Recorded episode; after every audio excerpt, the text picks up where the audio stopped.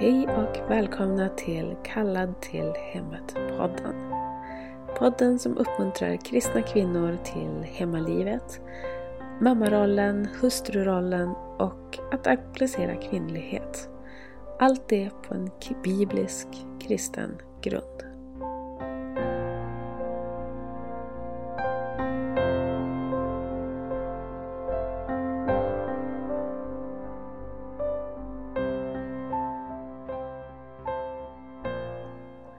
I eh, dagens avsnitt kommer jag att lyfta en fråga som jag har fått av en mamma på min Instagram. Det är faktiskt flera som har haft denna frågeställning så jag tänker mig att det är nog ett ämne som är i allra högsta grad aktuellt med tanke på den säsong vi är i nu. Så vad pratar jag om? Jo, jag vill idag lyfta ämnet Halloween.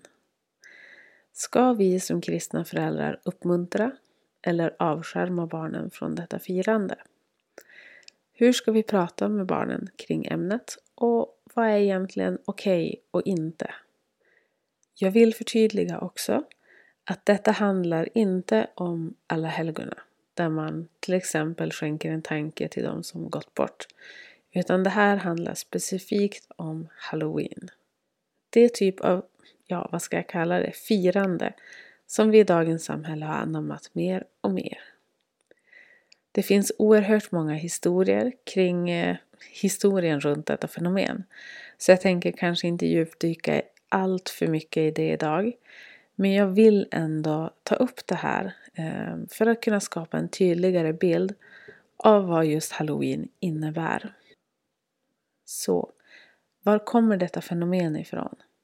Jo, en teori är att det är en högtid som firades av kelterna på Irland för ett par tusen år sedan. Dessa människor trodde att döda personer kunde röra sig fritt bland människor under den här tiden. Att de levande kunde ha kontakt med de döda. En bok säger att man bar skrämmande utklädningskläder för att alla onda andar skulle tro att de också var andar och därmed lämna dem i fred. Medan en del också försökte muta, eller vad man ska säga, de onda andarna med godis eller sötsaker. Och då kanske man frågar sig, men hur kommer det här med pumporna in i bilden egentligen? Jo, det som jag har kunnat hitta om det hela berättar att man kanske gick från dörr till dörr och bad om mat eller annat i utbyte mot böner för de döda. Man hade med sig utskurna ljusförsedda kålrötter som skulle symbolisera en själ som var fast i skärselden. En del trodde att dessa kålrotslyktor användes för att skrämma iväg onda andar. Men som senare när det kom till USA så byttes det ut till pumpor. Och nu är det ju svårt att säga exakt vad som är sant och så vidare. Eh, men om det finns ett uns sanning om detta så tänker jag vid första anblick att det här låter ju inte speciellt kristet. Om vi dessutom faktiskt gräver nu lite djupare så är faktiskt den här högtiden mer än bara en historia kring kelterna. Det är också en viktig högtid inom till exempel wicca, alltså häxeri och så vidare. Det är deras så kallade nyår. Och för att klargöra, häxvärlden är inte bara sagor. Den är i allra högsta grad verklig. Och mer om detta kanske vi kan gå in på en annan gång. Men det finns nedskrivet i Bibeln också om häxeri, witchcraft. Och det finns även idag i vår tid. Bara för att vara extra, extra tydlig kring det. Men just den 31 oktober häxornas nyår så sägs det att den så kallade slöjan mellan andevärldarna är som tunnast. Så magi och spådom och så vidare är som mest kraftfull då, enligt dem. Och det sägs vara lättare att kommunicera med andevärlden. Den här högtiden tillägnas de döda och den här högtiden används utav många för att utföra ritualer, spådom eller som jag nämnde ta kontakt med andevärlden eller åkalla gudinnor. Och Var vill jag nu komma med det här? Jo, magi, häxeri, trollkarlar, spöken, monster och så vidare. Det kanske inte är så oskyldigt som man kan tro. Det går så mycket djupare än att bara klä ut sig till någonting läskigt. Det är andevärlden vi pratar om. Så hur ska vi då bemöta detta med våra barn? När det anordnas till exempel halloweenpartyn på skolan. Det är halloweendiskon, affärerna är fyllda av halloweenpynt. Man kanske vill åka på bio för att se en läskig film och så vidare. Jag kan verkligen förstå att trycket på ungdomar är hårt. Man kanske vill vara en i gänget, göra som de andra och inte bli utesluten på, på grund av till exempel sin tro. Men vi föräldrar har här ett ansvar som går åt flera håll. Vi har ett ansvar att beskydda våra barn. Jag vill till exempel inte att mina barn deltar i halloweenaktiviteter för att det neutraliserar just den typ av witchcraft som Bibeln varnar för. Jag vill inte att de ska tycka att det är kul och spännande och så vidare. Jag vill inte att de har den här dragelsen till det. Att det är, att det är lite utmanande. Och vi har också ett ansvar att lära våra barn. Att lära dem varför det inte är bra. Att alltid bara sätta ett förbud brukar i längden kanske inte fungera. Barn behöver ofta veta varför. Så de får svar på sina frågor. Så om vi är öppna med att våra barn pratar om eh, som vi öppet pratar med våra barn om halloween. Vad det handlar om och då självklart på en nivå som passar barnet. Så tror jag att valet att avstå kommer att bli lättare för dem. Även om det kanske inte alltid är helt lätt. Men de kanske inte har samma dragelse till det och den här att åh, jag vill också. Utan de kan se allvaret i det och kanske hellre ta ett steg tillbaka. Men för att ta ett praktiskt exempel. Skolan kanske bestämmer sig för att ha en halloweenfest. Vilket vi har brottats med en hel del. Så numera heter det höstfest. Men principen är densamma. Skolan anordnar halloweenskoj sista dagen innan höstlovet. Och det här är något som jag och min man med flera kristna föräldrar inte har varit helt glada över. Det pratas mycket om spöken, häxor, zombies och så vidare på skolan vilket gör att barnen kommer hem med många frågor. Och när det är dags för dagen D så finns det då vissa som kanske har klätt ut sig eller sminkat sig jätteläskigt så barnen kommer hem och nästan är rädda eller ledsna. Och ja, det här har hänt. Vi är dock alltid supertydliga med våra barn att även om alla andra klär ut sig till läskiga saker så tackar vi nej. Barnen behöver vara på skolan för att få ihop alla sina timmar såklart. Men vi klär inte ut våra barn på något sätt som uppmuntrar denna tradition eller vad vi nu ska kalla det. Innan vi var lite mer övertygade inom det här så lät vi barnen klä ut sig men endast till, vad ska man säga, normala saker. Ingenting demoniskt eller läskigt eller liknande. Till exempel tjejen kunde komma i en lite finare klänning och säga att hon är en prinsessa. Eller någon av grabbarna kunde ha med sig en kartong och sätta på sitt huvud och vara en robot. Till exempel. Så inga vidlyftiga saker men ändå så att de kunde känna sig delaktiga. Men idag så ser jag personligen lite annorlunda på saken och skulle helst se att de inte har denna fest överhuvudtaget. Och det kommer jag att undersöka närmare i framtiden. Men om det hade skett på fritiden så hade vi bestämt sagt nej. Förklarat för våra barn varför och sen är det bra. Eller slutdiskuterat i alla fall, men med fortsatt diskussion såklart. Eller mm, Eh, kommunikation. Vi har alltid varit väldigt tydliga och öppna med våra barn att vi är kristna och ser på saken på det här sättet. Andra kanske inte ser på samma sätt som vi. Men vi behöver ändå någonstans stå fast vid våran tro och gå efter det. Och det har aldrig varit några problem. Jag förstår att vissa skolor, kompisar, umgängen och liknande kan se olika ut på olika platser och orter. Men generellt så tror jag ändå att ärlighet och öppenhet, det kommer man ganska långt med. Du känner ditt barn bäst och vet hur mycket du kan säga utan att de blir rädda eller ledsna eller oroliga. Men prata med barnen och ge dem förståelsen för varför de inte kan delta på allting som händer. Samma sak med kanske till och med diskon och ja, allt sånt. Sen blir det ju också i sig faktiskt ett vittnesbörd. Att de håller sig borta från det. Ja, men varför då? Kanske folk undrar. Ja, men det är ju för att de är kristna. Bara det ställer ju lite frågor i rullning på en del människor. Kanske. Och nu tänker kanske en del utav er att man kan faktiskt inte skydda barnen från allt. Det kommer en dag när de kommer ut i verkligheten och då istället så blir de överöst av en helt annan världsbild. Hur ska det gå då? Och jag kan förstå andras tankar i resonemanget. Att man inte kan avskärma barnen och skydda dem från allt som är dåligt. Men jag tror faktiskt att man kan det. Självklart kommer det en dag när de utsätts för det. Men om man ändå, som jag nämnde tidigare, alltid haft en dialog med sina barn, har haft en öppen kommunikation, så kanske man ändå hunnit prata om det mesta som de kanske möter på där ute i den stora världen på egen hand.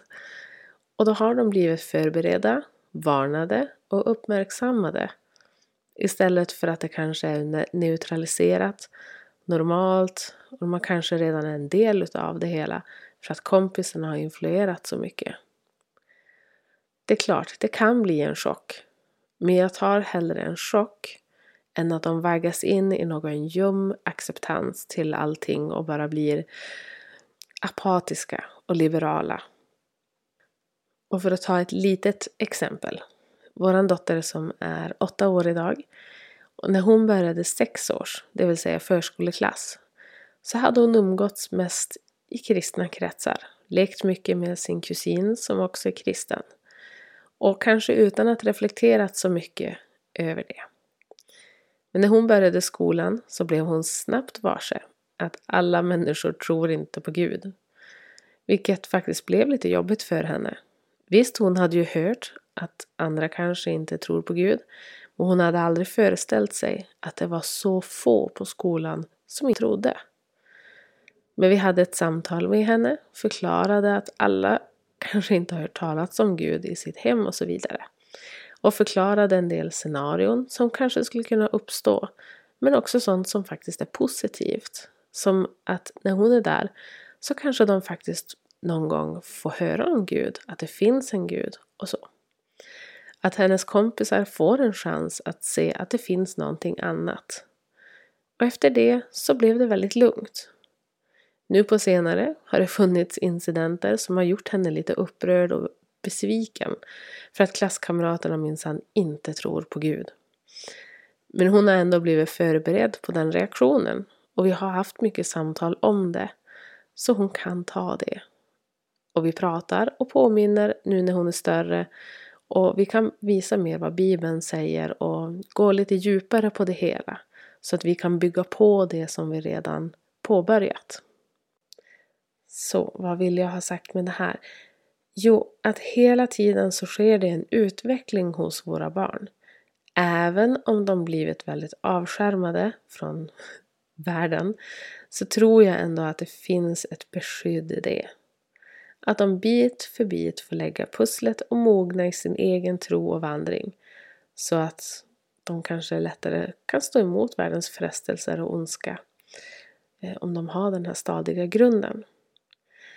Sen visst, det finns ju aldrig några garantier. Man kan göra allting rätt men barnet ändå väljer att gå en annan väg när de växer upp.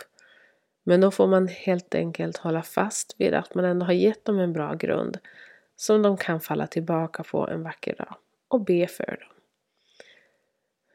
Men det är just därför jag tror att det är så viktigt att spendera tid med sina barn. Att hänge de första åren till barnen så att man verkligen får lära upp sina barn. Och det är en liten rolig detalj faktiskt som jag måste ta med er. För i många utav de svenska biblarna så står det i Ordspråksboken 22, vers 6. Vän den unge vid den väg han bör vandra, så viker han ej av från den när han blir gammal. Men i engelskans King James så står det Train up a child in the way he should go, and when he is old he will not depart from it. Noterade ni den lilla skillnaden i början? På svenska så står det vänj den unge. Men i engelskan så står det träna upp den unge. Att vänja sitt barn vid någonting betyder lite mer att de kanske ser, iakttar och är van att vara i det. Men att train a child, till svenskan kan det ju vara öva upp, träna, utbilda, undervisa, fostra och så vidare. Och det är ju lite mer ett aktivt tränande tillsammans med barnet.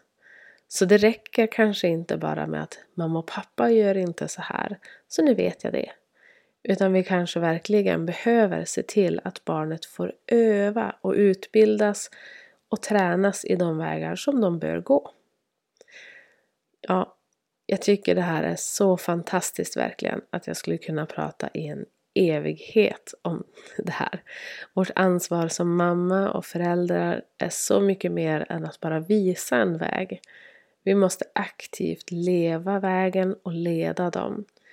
Och inkludera barnen i allt det. Att vara engagerade i vårt hem, i våra barn och äktenskap. Vi behöver vara 100% hängiva, hängivna vårt arbete. Eller hur? Så min uppmuntran till dig idag är att våga stå upp för dina åsikter och din tro. I skolan, på arbetsplatsen, ja, överallt. Och just när det kommer till Halloween så tror jag att vi kristna verkligen behöver ta oss en funderare över huruvida vi uppmuntrar denna högtid eller inte. För den är inte biblisk. Om du tycker att det är till exempel jobbigt att skolan anordnar sådana här tillställningar, läs på om ämnet och hur häxorna har denna högtid som en av de största högtiderna, att det är deras nyår. Visa all den information och visa lärarna, rektorn eller liknande att detta är i allra högsta grad något som jag skulle kunna räkna som religion. Och jag är verkligen så tacksam över att ha suttit och planerat ihop den här lilla podden för idag. För vet ni vad? Jag hade inte 100% koll på den här informationen heller som jag har delat med er idag. Men det är det här som är så fantastiskt. Vi lyfter våra problem och tankar med Gud, lägger det i hans händer. Och han skickar människor och leder människor och leder dig och mig till att söka och utforska. Och till slut så har vi hittat vårt svar. Och vi behöver jobba aktivt med att kunna beskydda och bevara våra barn. Och när vi själva har hittat tillräckligt med belägg för saker, till exempel i halloweenfrågan, att vi kan peka på att det är religion, så kan vi tryggt och säkert stå fast vid vår ståndpunkt. Och det kommer barnen att känna av. Och då tror jag också att de kan känna sig mer trygg i, de, eh, i det beslutet om de känner att det här är grundat på en stadig grund. Ja, jag hoppas verkligen att det här avsnittet kan vara till välsignelse för dig i dina frågeställningar eller tankar. Eh, det blev lite kortare avsnitt idag men eh, jag tror ändå att jag fick fram det som, som jag ville få fram. Så jag hoppas att det landade väl hos er också. Men kom ihåg att det finns bara en Gud och det är honom vi tjänar. Ära honom i allt du gör och led barnen närmare honom. Om två veckor är det dags för nästa avsnitt och jag hoppas att du vill komma tillbaka och lyssna då. Om du vill komma i kontakt med mig så kan du mejla mig på kalladtillhemmetgmail.com eller så kan du skicka ett meddelande till mig på min Instagram med samma namn, kallad till hemmet. Ha det så fint så hörs vi snart igen. Hejdå!